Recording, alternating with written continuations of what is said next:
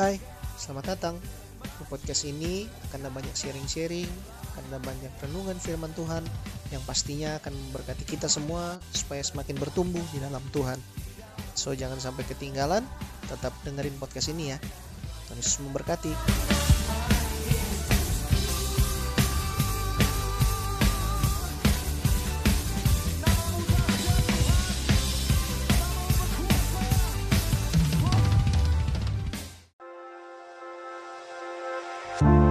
Haleluya, puji Tuhan, salam sejahtera dalam kasih Tuhan. Kembali lagi dalam podcast ini, kita sama-sama belajar firman Tuhan, merenungkan firman Tuhan, supaya dalam hidup kita semakin bertumbuh dan semakin berbuah pastinya di dalam Tuhan. Puji Tuhan, firman Tuhan kesempatan kali ini dari Injil Matius pasal yang ke-24 ayatnya yang ke-13.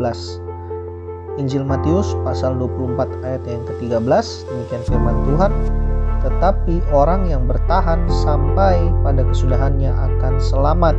Puji Tuhan, firman Tuhan yang datang kesempatan kali ini mengingatkan kita, orang yang bertahan sampai pada kesudahannya akan selamat. Kalau kita belajar sedikit tentang apa itu arti kata bertahan, kata dasarnya adalah tahan. Tahan sendiri kalau kita melihat dalam kamus berkata meskipun mengalami berbagai-bagai hal tidak lekas tidak lekas rusak, berubah, kalah, luntur dan sebagainya. Tetap pada keadaannya atau kedudukannya. Nah, kalau kata bertahan itu tetap pada tempatnya, tidak beranjak mundur dan sebagainya. Mempertahankan diri terhadap serangan, godaan dan sebagainya. Tidak mau menyerah, berteguh hati.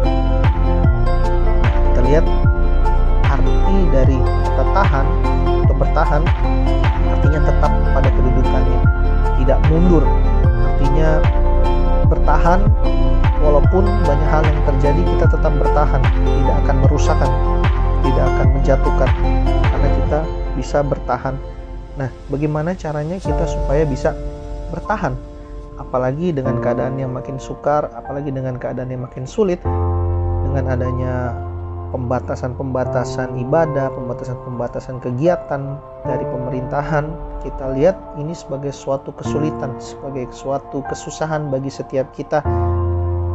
Makanya kita harus dituntut untuk bertahan karena siapa yang bisa bertahan pada kesudahannya akan selamat. Nah, kita belajar bagaimana kita harus bertahan dalam kondisi apa pun, dalam sesulit apa pun, kita harus bertahan. Nah, kalau bertahan sendiri itu memang susah, memang sulit, memang berat.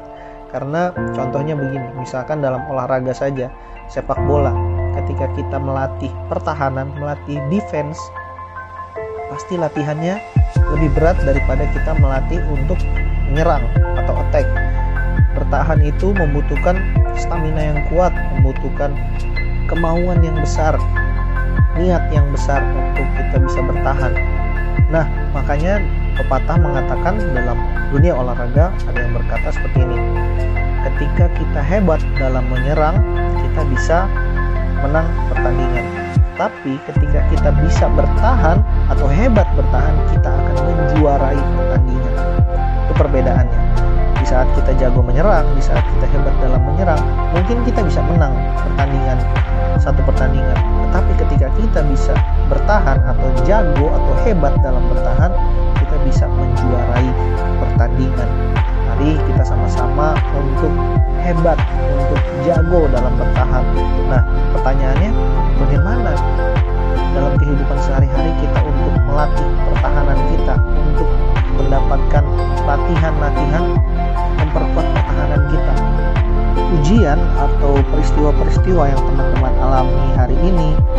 pagi hingga sampai malam semuanya itu kalau teman-teman peka kalau kita semua sadar semua itu sebetulnya untuk melatih kita. Karena apa pun yang kita terima hari ini pasti akan diuji di kemudian hari.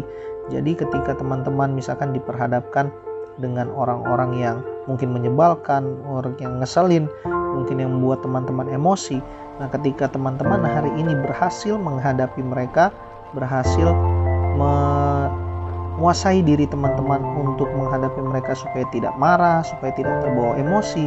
Nah, berarti teman-teman itu sudah memperlengkapi diri teman-teman tentang penguasaan diri sehingga di kemudian hari ketika diperhadapkan dengan hal yang seperti itu teman-teman bisa menguasai diri karena teman-teman sudah latihan karena teman-teman sudah tahu bagaimana cara menghadapi seseorang si A si B teman-teman sudah tahu karakter mereka.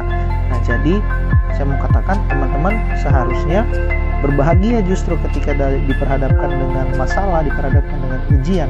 Karena sesungguhnya itu cara Tuhan untuk memperlengkapi kita hari ini supaya kita bisa bertahan di kemudian hari.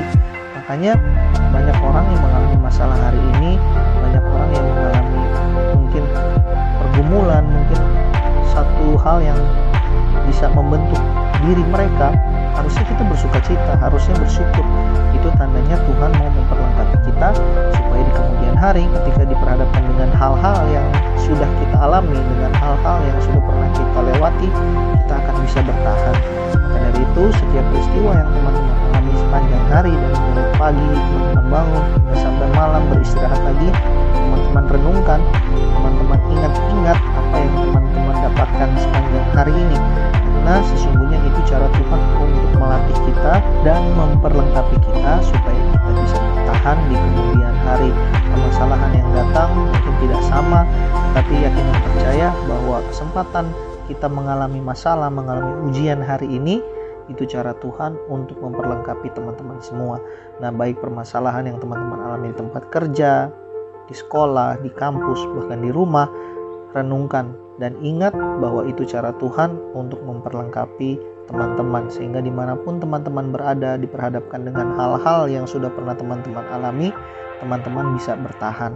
Nah puji Tuhan firman Tuhan mengingatkan kita bagaimana kita harus bertahan supaya yang bertahan sampai kesudahannya akan selamat. Itu janji Tuhan.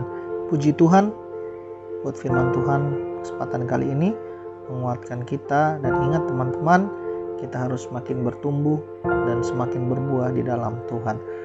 Puji Tuhan, Tuhan Yesus memberkati.